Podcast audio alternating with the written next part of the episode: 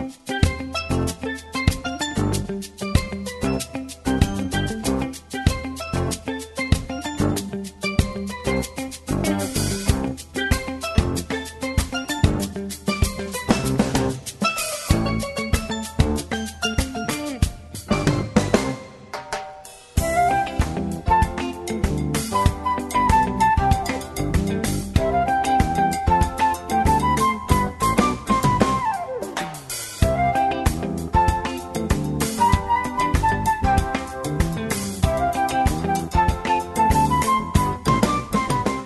Ja, vi får bjóða ditt nu er hjertelig velkommen til morgonsendingina her og Lindene som du lort her etter. Sendingen hon eider og bildjelongt.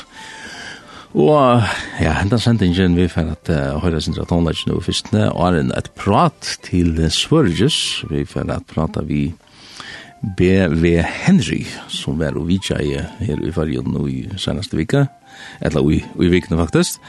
Uh, Og ja, vi har høyra, vi fikk et godt prat vi han, og jeg helt at han var, og hun har vært rett få et prat vi i sendingene i morgen.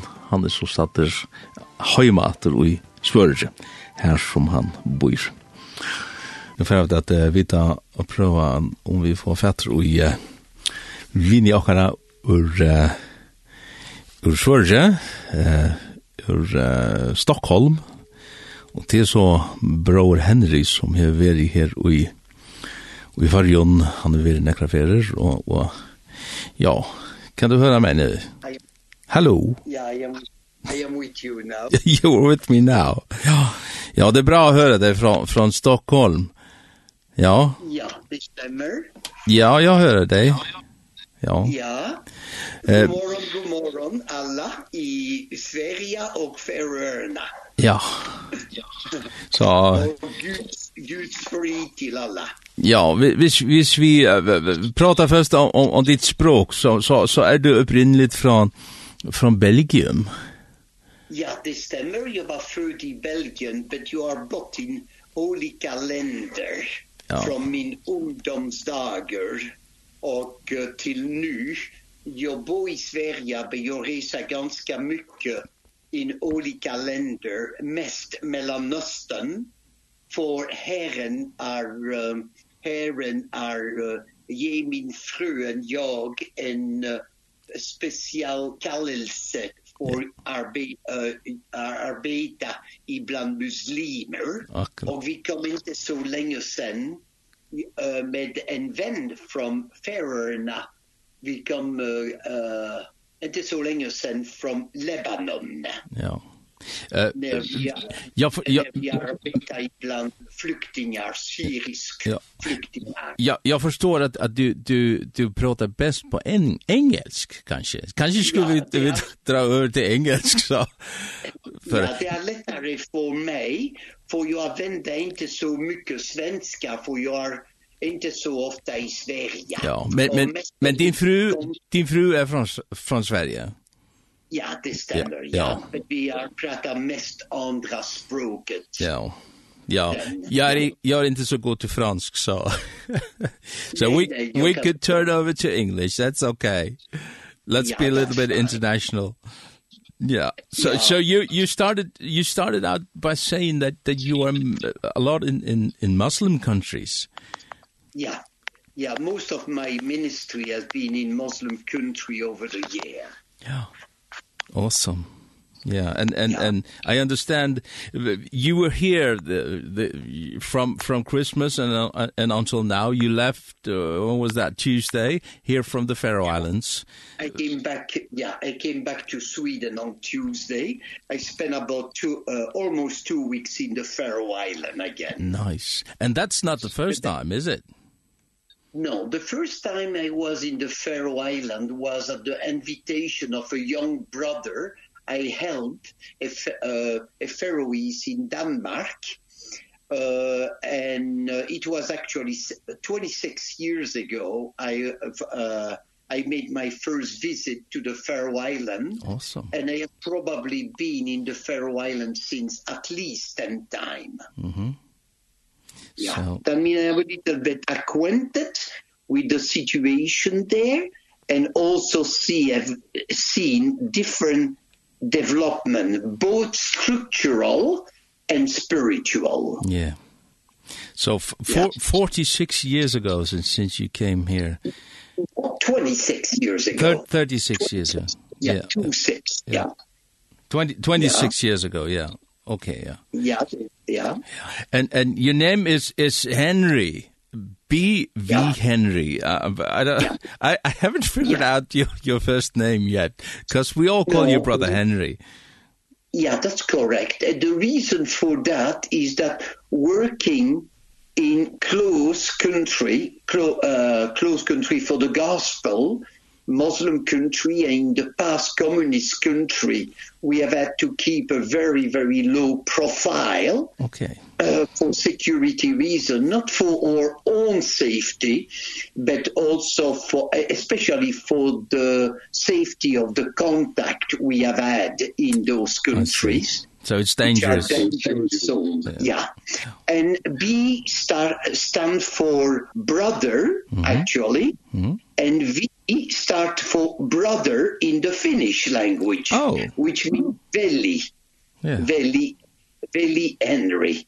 That's and nice. uh, when I um, when I started quite young, my ministry uh, in communist country under open doors and Christ to the communist country, we all have had to have a pseudonym a cover name for, again for security uh, reason. That mean many people uh, came to know me at a very very early stage as brother henry. Mm -hmm. that means i kept on i uh, keeping that name. But then i at one stage my first books Christian books were written under the name Brother uh, Brother Henry, but then they had to change that because some people thought that there was a monk. Oh. and then they decided to have only B.V. Henry instead That's than nice. Brother Henry. Genius. Yeah. Yeah. And you I mean, now and now you said Pardon? Yeah, go ahead. Go ahead. Yeah, you mentioned about books. You have written uh, quite quite a few books. Yeah yeah, I have written all together uh, about uh, uh, 12 books published or maybe even 14 in different language. Some of these are in Swedish. The two last one I wrote mm -hmm. in uh, Swedish was actually the title. In English would be uh, the key role of the Bible. Actually, in... I, I have it here on, on, on my, my table. It, it, på svenska heter den bibelns ja, nyckelroll i den protestantiska reformationen. Ja, yeah. the key role of, okay. the, Pro Protestant Reformation, yeah. Yeah, and the next one? Mhm. Mm the next one was about Dietrich Bonhoeffer, which you have also. Yeah. And and, and yeah. And um, I, I was especially interested in in in, in the, that Arabic thing. You yeah. you written a book. It's actually in Norwegian, so people can, if they want to listen to or, or read that in in in yeah, Norwegian, because most Faroese, at least you know, they they yeah, know. Yeah, What's, ja, elsk dina araben. Elsk ja. dina araber. Arabiska. Disse, disse araben. Disse araben, ja. Elsk disse araber. A book I wrote several years ago when there was very strong anti-Arab feeling. No. And uh, I, I wrote uh, this book some years ago which was published by Youth with a Mission in Norway, the book cannot be ordered from them. It has to be ordered in order directly from me. Okay. Yeah. Uh, it's so, not available anywhere else, so but I, I still have a number of copy at home. I, I can uh, put, you know, we have a, a, a homepage here, so I, I can put that, that address So if if uh, we just get that yeah. contact on on where, where or when they have ferries going back and forth do may I mean contact, they can take some copies with them yeah. and give them to the people would be eventually interested. So so people yeah yeah they can order it directly from me or they can wait at the ferries travel with some copy back to the Faroe Islands. That would be very interesting. So, yeah. so you say you've been working with youth with the youth with the mission. No, I have not been working oh. with youth with the mission. Yeah. My publisher, my publisher in Norway, okay. was actually Proclamedia, the youth youth with the mission publisher, okay. and he published actually like another that. book in Norwegian, which is called Albania, mm -hmm. den Pioneer Land. Yeah. Yeah. yeah, that means I have these, well, I have some other book uh, published in Norway, but they were published by Luther's Verlag and some other publishing house. Nice. I have five books in Norwegian. Yeah. Nice. Yeah. Uh, you've been in the Faroes. Let, let's just just take uh, what what have you kind of uh, been doing here and and how how did that contact came about and and and and and uh, Can you tell me a little bit what what you have been doing in the Faroes these all these 20 years, 20 something? Well, 26 years ago, I met some Faroese um, Faroese people in the Brethren Assembly mm -hmm. in Copenhagen. And then I just happened to have befriend some uh, teenager who were somewhat in difficulties and struggle and I befriend them and I help them step by step to uh, from a traditional Christian background through a, a commitment to the Lord, uh, experiencing a real transformation through the power of the Spirit and uh, exposition to what the Bible really teach in regard to salvation and even on the path of sanctification as a process. these, these people felt really, really blessed. And they thought that there could be a blessing eventually for the believer, both young and old, in Faroe Island. And he really insisted that I should visit the Faroe Island, although I was very reluctant to do so because I have been told that most of the people in the Faroe Island were actually Christian and I asked myself what would I do there? Well I, and then he said I would yeah, definitely say that that message that you gave to that person is is highly needed for yeah let's say all of us uh because uh, we, we yeah it's it's right what you say that that we are christian but what does it mean? That that's yeah. you know. Yeah. Uh, the the uh, the profe uh, profession is one thing. The confession to christian living is another matter. Definitely. You know as i said very often you know um all the disciple in the new testament were christian but not all the christian today are disciple sad to say. True. Mm.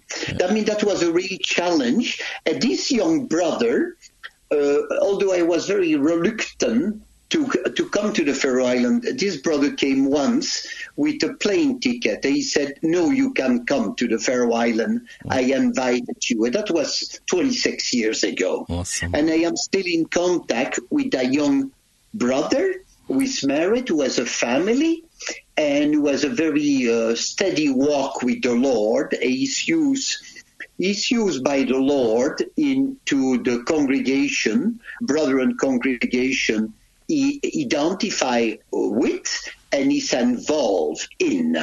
Too many Christian in the Faroe Island seems to have a special calling to warm up the benches. Yeah. But they are very, very passive. Way too much.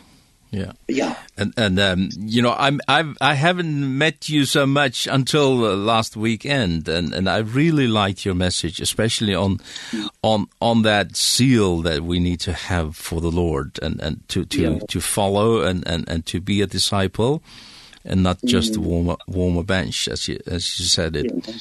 So mm. that that's uh that is really really needed, you know, because uh, yeah. we have too much of the other thing and then from this um, uh, from my first visit 26 years ago, I have visited regularly the Faroe Island to have youth meeting and preaching and teaching in different uh, assemblies across the country.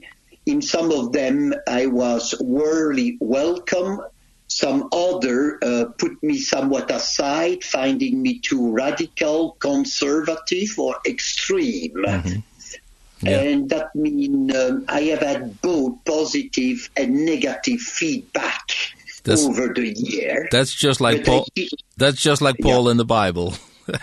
yeah. yeah. But they keep on preaching the word as we are exhorted to do in uh, 2 Timothy chapter 4 and verse 5 keep on preaching preach the word in and out of season mm -hmm. and i am not accountable uh for the result every individual is responsible how he responds to the truth True. and how much you want to surrender to the lord that mean i don't need although people sometimes get offended when i preach the truth even in us I believe in a spirit of humility and gentleness, grace, but um, still um, some people uh, become very negative and even hostile. And actually, in the Faroe Island, I have found that many people have things to say about me, especially negative things, although they have never heard me speaking or even met me. Yeah.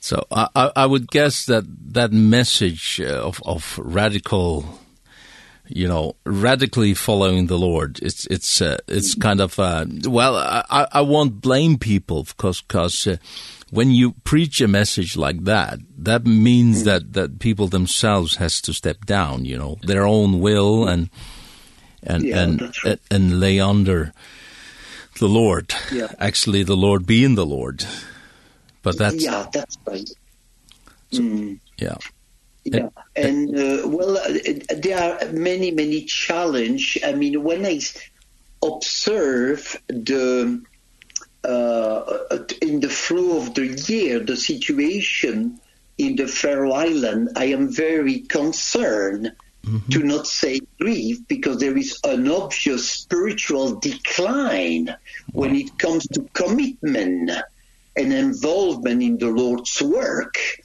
you know th there is very much tension and polarization and division within the body of Christ which is very very sad to observe. Then and uh, well the country become more and more prosperous and people become less and less dependent on the lord and obedient mm -hmm. you know a full surrounding. They only surround a certain area of their life. These, many of them start to say they live more by preference than obedience to the Lord. Yeah. Uh, they, they miss the blessing then. Mm. Yeah, the, but the thing is that that uh, is, isn't that the usual thing when when when it's prosperous, when when it goes well, then then you kind of trust yourself, and, and instead of, of yeah. seeing you need yeah. to trust the Lord. that live, uh, traveling in many different country especially even the country where there is oppression and persecution like for instance in Iran, Afghanistan and some other country, Libya and so on, I found that in spite of all this trial and affliction, these are the place where churches, mostly own churches, because the church is not uh, recognized or legalized in those country that's the place where the church are really growing also the body of Christ. You know, people there know that to follow the Lord costs something. Yeah. You know, whosoever want to be my disciple, let him deny himself, take up his cross and follow me. Yeah. I mean, I think in Faroe Island, in many, many places, we have lost the teaching on discipleship. Definitely. How, how we would... may preach how would yeah, how, how would you define that you know discipleship? What, what does that mean? Well, the first step which need to be taken, well, first of all, you need to have a real experience of salvation, which is more than reformation, but transformation.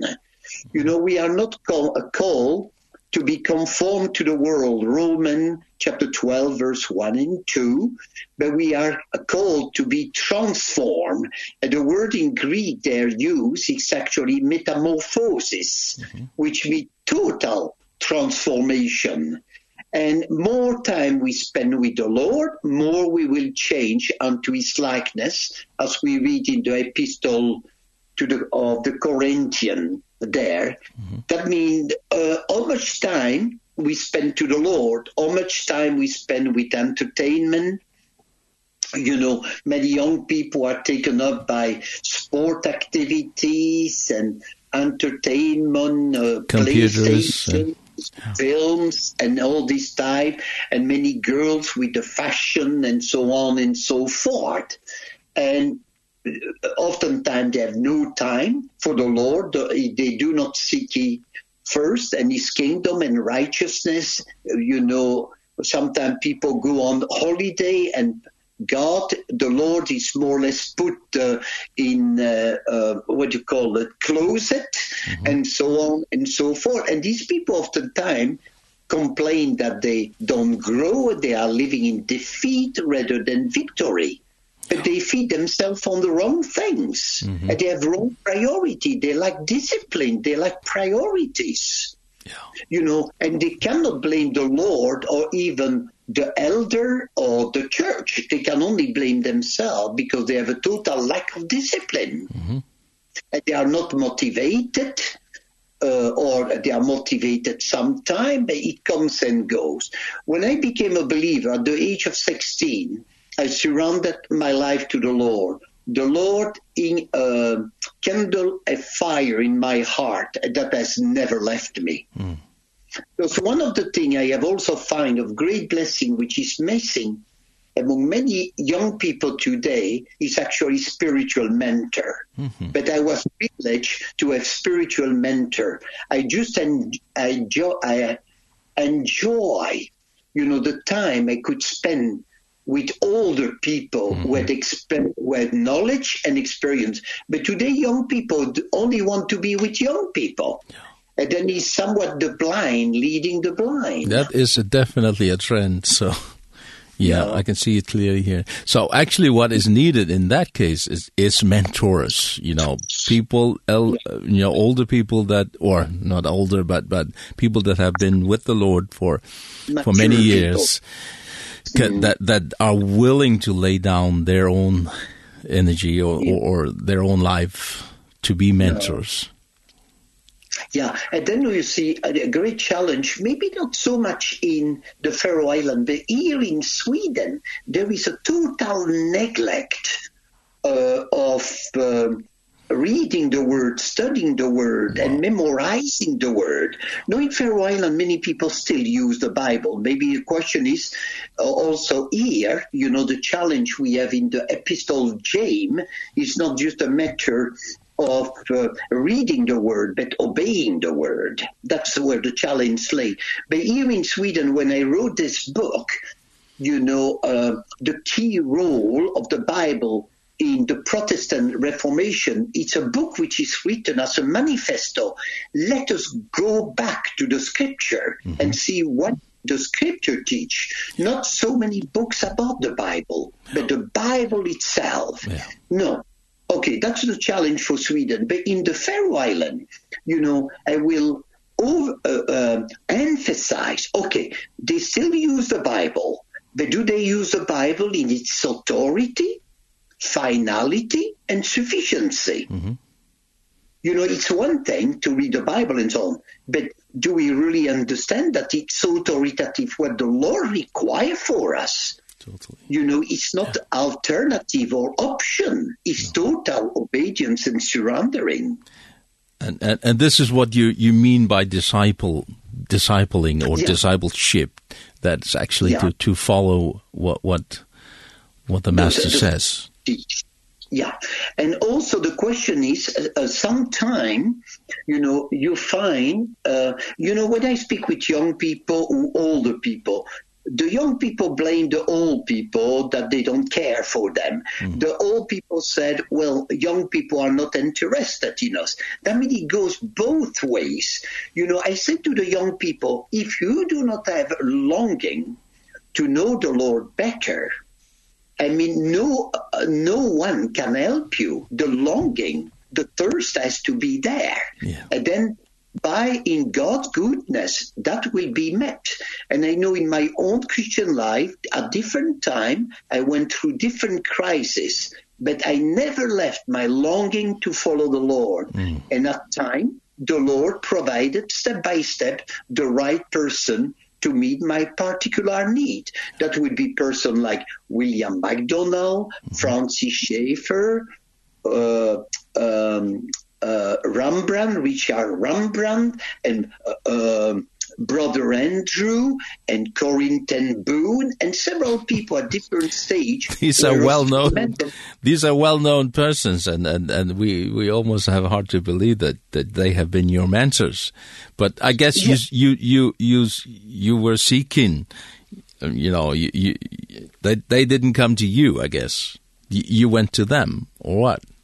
it was both ways. I was glad to, I mean, to meet them, to greet them and so on. And step by step, I mean, we got acquainted and they wrote to me, they phoned me, they sent me their material and so on. And like I said, it was not so much a matter how much time I spent with them but the time I spent with them was always quality time. Awesome. You know, when we met one another, we didn't start to talk about well, what was the latest film they have seen or a video game they are play or so on. Of course, in those days that didn't exist. Mm. But we were really focused on the Lord and occupied with the Lord. Awesome. And I think when I look back, I wouldn't be what I am today if it wasn't for these people older people who looked after me without imposing themselves, without manipulating or dominating, dominating me. They were just exhorting, admonishing, and so on. Mm -hmm. And I was receptive. You know, today, many young people, we cannot teach them because they are not only proud but even arrogant giving you an impression that they know already everything mm -hmm. and they don't need to learn anything wow that's the mentality of many young people today. And and you could say postmodernism is is a, a great part of that, you know, your truth and my truth and all that. Yeah. Everything all the absolute have been removed and everything everything become relativism. Mm. You know, well you believe that that's fine for you and I believe that or um, you have all these uh, theological trend, cultural trends which have pervaded, unfortunately, the assembly and affected negatively the body of Christ. And then you have also these different, you know, many uh, young people, though longing for the Lord, instead of turning to the Word, they would turn to the a website to get their information and so on and oftentimes it becomes so confusing because there are so many teachers mm -hmm. around them and these teachers contradict each other yeah. and it's not for the advance of their spiritual growth Definitely. and some of them get so confused that at the time uh, sometimes they just drift away because of lukewarmness and worldliness yeah. in many assemblies and and and you you say that you see that here even among the young people in Faroe Islands. Oh, definitely. I am so glad to see so many young people in the assembly, especially the brother in assembly with whom I am mostly in contact.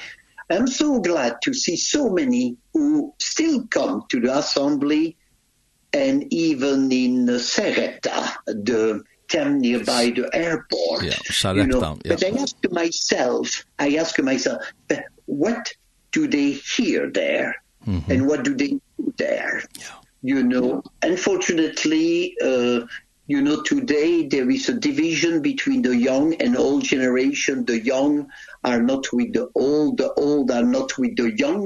Mm -hmm. And that means we do not relate to each other. But my, my understanding or the biblical concept of the assembly it's a family. We should be different generation together learning from one another. Definitely. And i go sometimes to the assembly i ask older people if they know that particular person and they know nothing. Although that person may have been several years in the assembly and vice versa. I yeah. mean i mean how can you be a family and not know the member of the family? so so we we need to to be you know to, to mix the the ages so that that yes. we can learn from each we, other that way. We, we need to recover what the gospel message is about. We need to speak about sin as sin and see that people come to repentance through the conviction of the Holy Spirit. Yeah. Come to genuine repentance. Amen. Uh, experience regeneration, departure from any sort of evil or appearance of evil and start to live in the light of the Lord's return to not be found ashamed when he comes back. That's the way I was taught as a young believer. Because he, he... Separation from the world yeah. and the joyful expectation of the Lord's return or anticipation of the Lord's return. These two things were very, very important for me. Yeah. And, and that gives you the motivation to really you know get stirred up in in the spirit and and and uh, walking that way because the Lord comes yeah. soon. Yeah, to establish my testimony and to carry on with the ministry the Lord has given me. Mm -hmm. You know, First Peter 5 uh yeah, First Peter 3:15. Yeah. You know, sanctify the Lord in your heart and be always ready to give a reason of the faith or hope that is in you. Awesome. You know, if people see, if people around the seeker see that we have something they do not have, they will seek us and inquire from us. I don't know, need necessarily to run after them. You know, if I live a transforming life, and that joyful life in the spirit, people sooner or later will notice it. They will notice a light. They will walk, yeah, you know, it's, it's like flies, they draw to the light. That's right. That's yeah. right.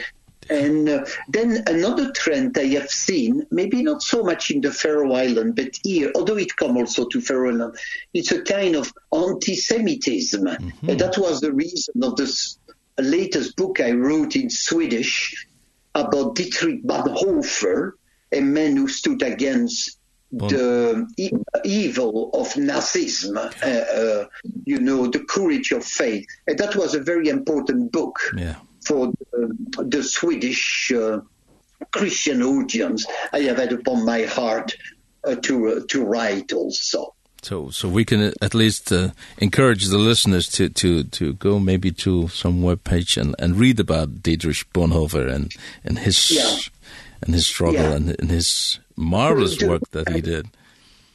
The book I wrote is not so much about his theology, it's more about his ethical stand that a man who understood the sign of time and was willing to go against the tide of his days mm -hmm. and he paid with his life for that.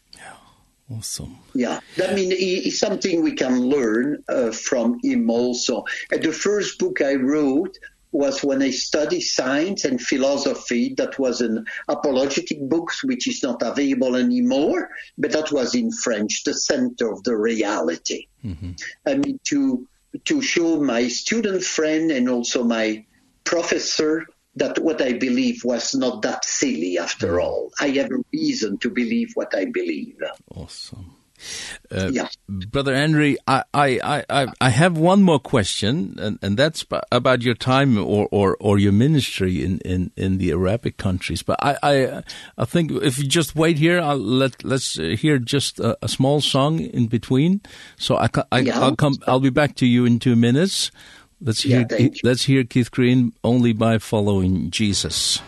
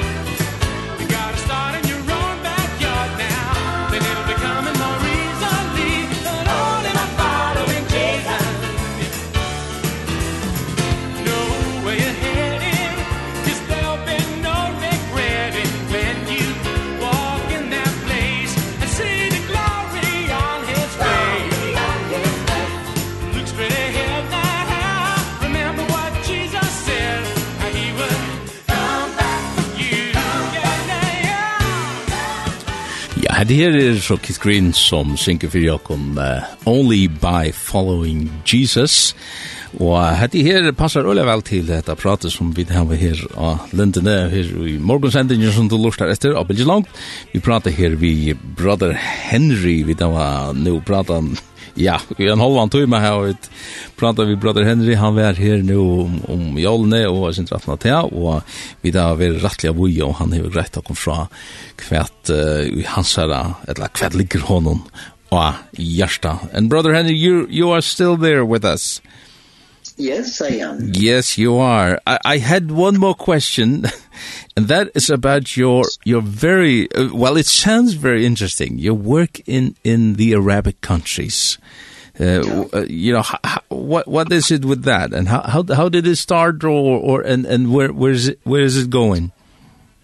Well, actually, I wouldn't just limit myself to the Arab country, but more to the Muslim world. The, the Muslim world, yeah because that include, of course, Iran, Turkey, uh, part of West Africa and even the Balkan, a country like Albania, which has a majority Muslim. Mm -hmm. Then my experience uh, with the Muslim world, uh, uh, my experience among Muslim, I've been in various part of the Muslim world, which is not monolithic, but there are different culture, different language, and so on.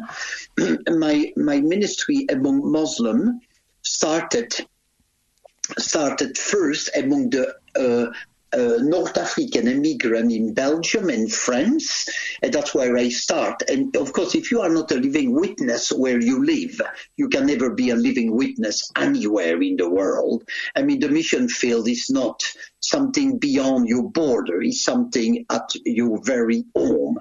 And that's why I was trained. And then my first contact with the real Muslim world was in Turkey in the 1970s as I work uh, across the the communist country very often or terminus was in Istanbul where we picked up more material for the believer in the communist country and then we came back from Istanbul back to western uh, Europe. And uh, when I was first of all confronted when I was in Istanbul I was asking some Christian friend there you know what was the situation uh, what was the situation of the church in Turkey. And then this brother answered to me, was much older than I was. He was actually a person connected with Operation Mobilization. Mm. He told me that regrettably there are many tourists who come to Turkey but they are more interested in the dead stone than the living one. that means they go to visit the seven church of the book of Revelation and other uh, biblical side, but the, some very few are actually inquiring or interested about the living stone. There were very, very few in those days, and eventually it was actually forbidden uh, in Turkey. But I decided to be involved in summertime during my free time from my study and it was very very tough in those days. We enter into many many difficulties and trial. Mm. but from turkey i was expelled and then uh, i decided uh, to go to lebanon. That was the next muslim country. And then i went to jordan to study arabic. And then to get Uh, although I never thought to be involved in missionary work, mm. uh, slowly, step by step, the Lord gave, gave uh, guide me in that direction, giving me a clear vision and burden for those people. And then I left my profession behind and started to be involved in full-time missionary work. Now, in those days, it was very very tough to work among Muslims especially in Turkey uh, North Africa uh, in Lebanon and Syria and Iraq there were pocket of believer there were about in Lebanon there were more than 50% so called Christian and in Iraq and Syria between 20 uh, 10 and 20% of the population who identify themselves as Christian. But in Iran... But that, that has all... changed a lot, those percents. Yeah. Yeah, that's correct. And also in Iran, which was free to do evangelism, there were very, very few believers there. And there was a great, great challenge.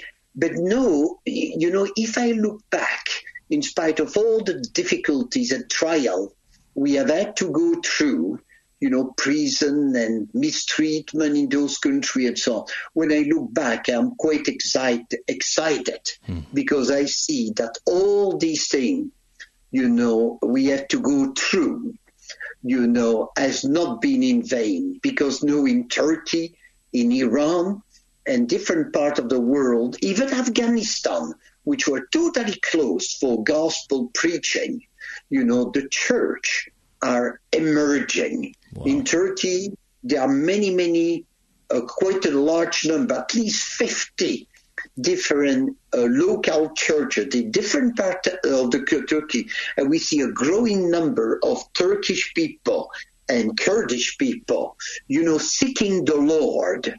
And uh, the Lord used different ways to reveal himself, even dreams mm -hmm. and healing to touch the life and transform the life of people. Something we may not understand uh, in the western world be so rational. Mm -hmm. but there these things do take place and they have uh, be witness of this. And then also uh, uh, the fast growing church today in the islamic world is actually iran. Wow. You know and we see that it is adversity rather than prosperity which advance the work of the Lord. And today, instead many people are very critical to Muslim and negative, you know. What we see, more Muslim are becoming disciple of Christ than never before in the uh, in the missionary history or church history. Mm. That means it's quite excited. That is. You know, many people do not see that, but I witness that and soon I will be again on my way to one of the Middle Eastern country to encourage some believer in one particular country where the church is actually underground. Do do you travel alone or, or when you go to these places or or how is well, it with that? Well, as a married man, I travel much with my wife mm. in those countries. We're always together working in partnership. But two years ago, I became a widow. Mm. But even when I was with my wife, we have always taken some young people with us, along with us, to train them, uh, to encourage them to be involved in the Lord's work. Mm. And in my uh, travel recently in Albania, and also in Albania and Lebanon. I had a young brother with me. And now when I go to the next country, I will have also. Uh, and then the following country, we intend to, I intend to visit the church. I will have maybe three to five young people with me.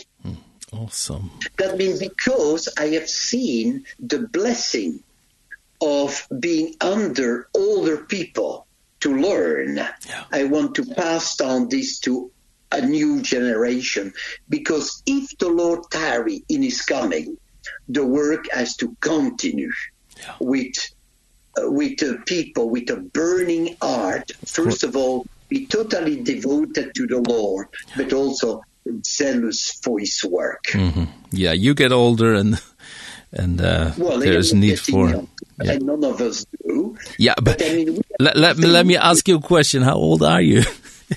I wouldn't 75. guess. 75 although, yeah although people think that I am much younger. Yeah you I, look I, much younger. 75 years old. I, yeah, I still uh, feel young. And as long as the Lord give me uh, health uh, good health and the strength I will carry on. Mm -hmm. Awesome. We deserve it. Yeah. Well, Brother Henry, it's been a pleasure hearing a part of your story at least and, and what's on your heart. And I hope that our listeners will uh, enjoy or, or learn from, uh, from this mm. conversation. I will just briefly take through in, in various ways when this conversation is finished and I lay my phone down here. So so people yeah. can uh, kind of you know recognize what what we have been talking about and uh, yeah. I I'll just yeah. say thank you very much. We we have actually been talking for 3 quarters. yeah. Yeah. Yeah. yeah. Okay. So But I continue to make myself available to you if I can be of blessing. Thank you. Thank you very much. And and hopefully hopefully we'll see you in the Faroes soon oh. again. Yeah, and, thank and, you. May the Lord prosper his work through revival in the Faroe Islands. Yes, we, we pray and, and hope for that. Thank, thank you very much, and I'll, I'll say goodbye to you from and here. keep in mind Philippian, all Faroese should keep in mind Philippian 1.6. And what does it say there? Yeah, the good work the Lord has started in your life, He wants to continue. He wants to Let us fulfill. not stop. Philippians 1:6. 1:6 we'll take that to yeah. us, and uh, He will He will do it. And wish for the new year. Yes. Thank the you Lord very much. Thank you. Thank you very much, Brother Henry. Thank you. Bye-bye. Bye. Bye. Ja, at han og et sera, sera avhåverst prat vi bror Henry. Uh, ja, han er opprunalig belgare, og så er, ja, herren er lett hans er ved til førjar, for 26 år røyane, og hever haft samband særlig vi vi uh, ja nær kan ikke nå til klaksukar eisne men eisne i Sarepta og til mølt at onkur av lortar kjenner hatt han mal i atter, eller kjenner han atter, og hans er båskap, og som han sier her, at uh, han, uh, akkurat nå er han så avveis, eller helt kjøtt avveis til, uh, til uh, en et, uh, en et uh, muslims land, Eh, uh, han citerar i Filippi brev 1.6, og Janne, jeg vil hova for å lese til, og føreskån han sier det her, fra ørende 6, og jeg er fullviser ui, at han som byrja i godt versk ui tikkun skal eisne fullføra til til det Jesu Kristus. Arne, if I were i sendingen, så halte jeg at jeg vil ho at spela et le at træt. Uh, ja, skulle ikke bare takke kickskrin så så har vi jo hatt at, at, at takke at droja till och at hus som bror Henry sier. men låt oss höra Grace by which I stand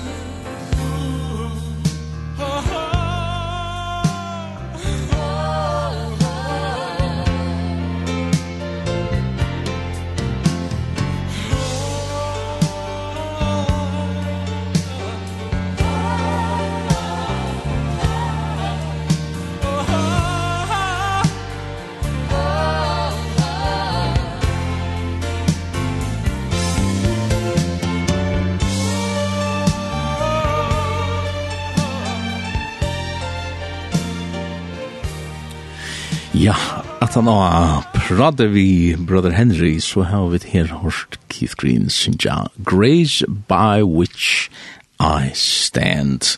Du lortar etter morgonsendingene her og linden i Edi Henlitsen tikkara verster og i et kvartera tredje dag så rett.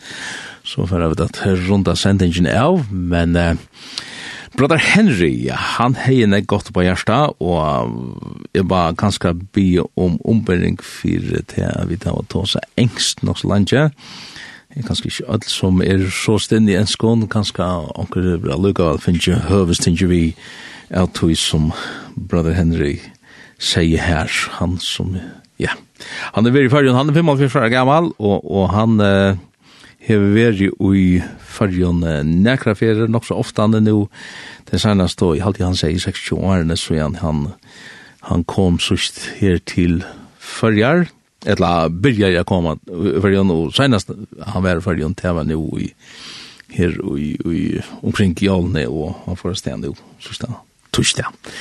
Prate kommer vi honom er et kveitjande prat kommer er til er en sannleikje som i halte et la sannleikar som i halte at ödl kristne fargen skuld og hårst og komme nærre inn til hessa sannleikene som han han leier den og Med den andre til her vi lærer skapet discipleship, som han kallar det fyrir heter at vi kunne eh, fylltja, først og fremst fylltja herra noen tid til han som er, er mester i okkara, og vi som lærer sveinar hans herra gjerra sånn som han sier, men eh, avhåverd mate som han eh, framsetter på her, at eh, tørveren og han kallar det for mentorer, og det er kunde vi kalla det för velleiarar.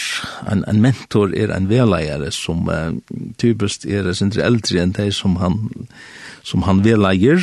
Kanska kunde hetta vera eisen et kall til uh, folk i imskon samkommun i fargen om uh, legg den av hjertet til her at, at røyne å være en mentor, en velleier for de yngre.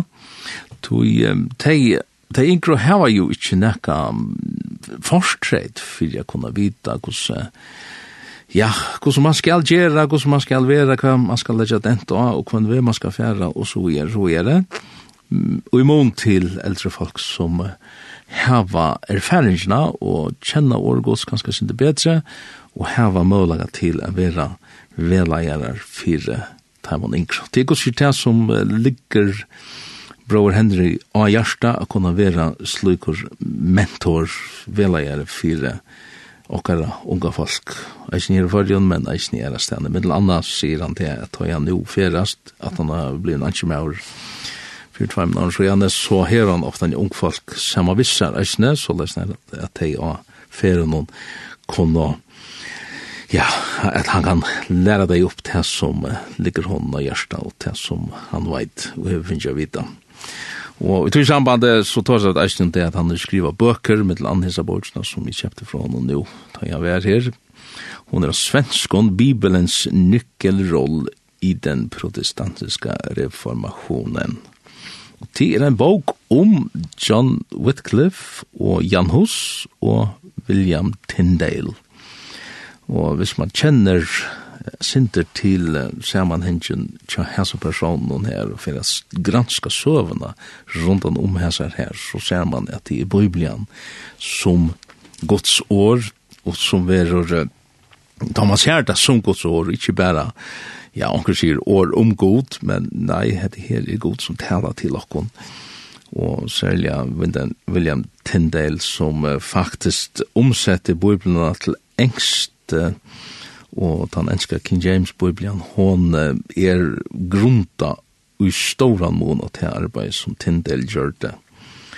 Og jeg synes så var rundt om hva det tar å loja fire sånne trygg, men jeg synes fire det her arbeid som har en hei lagt av hjertet at, at få årgods få årgods omsett til det amalet som som eh, han ville leia til til og tar ja til kunne fære og, og, og googla og, og, og, og granska at det her er sin til sjolv eh, i samband vi og i herrans versk er hever en at Bibelen hever hendan her likla rollan som Bibelen i samband vi til protestantiske reformasjonen som, som vi kanskje kjenner Eh, Arjen, if her vi er så halde vi færa, ja, jeg snakker sent for nek, det var ikke godt, men uh, let oss færa å teka et lean, det spalte i Maranata, og Janne, jeg halde vi færa teka Maranata Singers, det er færa Sinja fyrir jokken her, You are my refuge, to er min grisdavar, kunne du kalla det fyrir.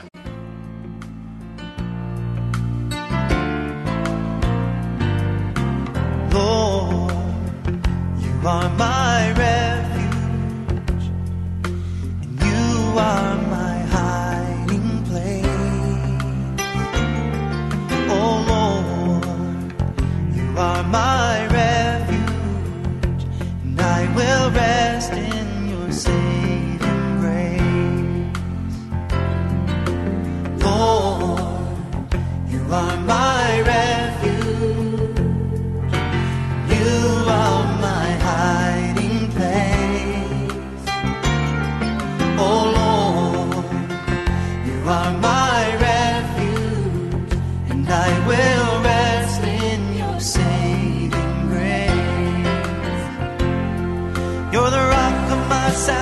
protection You're the one who calms the storm. Lord, you set my feet on higher ground. I will worship and adore you. I will lift my voice on high. For only in your presence will I find The Lord, you are my refuge And I will say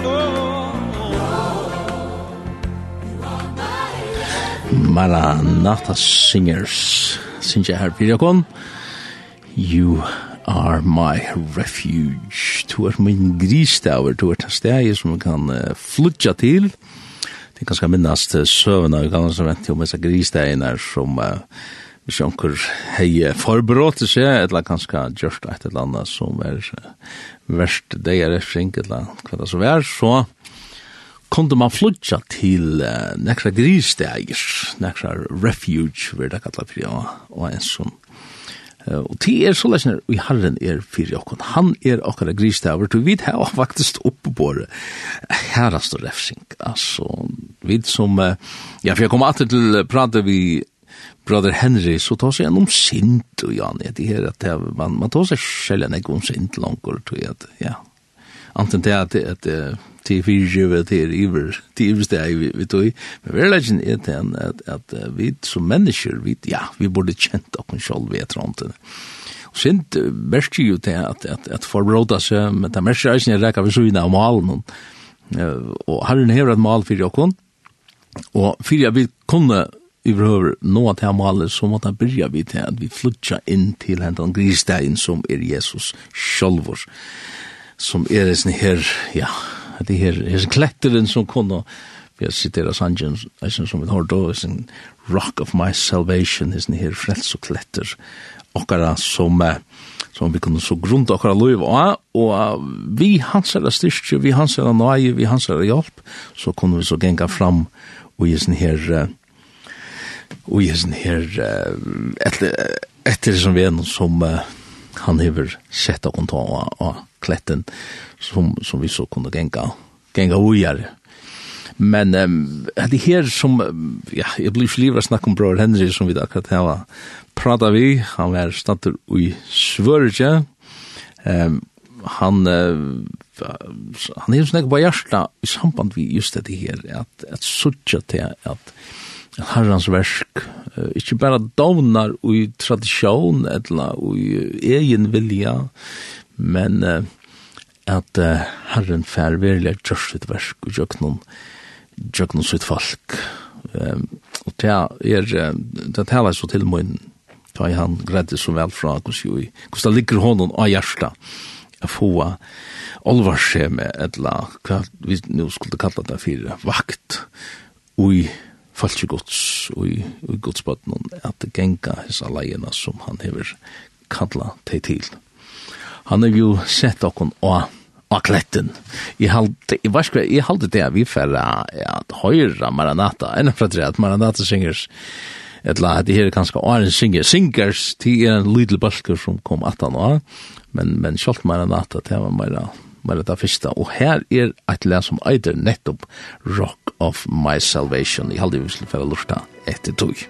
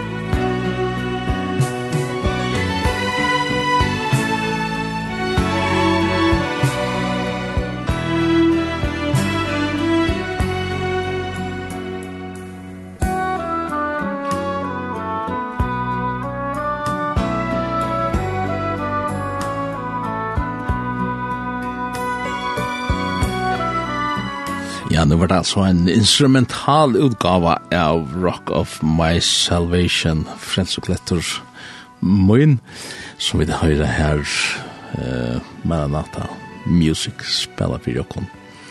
Men uh, hentas sender ikke hånd fyr at norskast enda noen.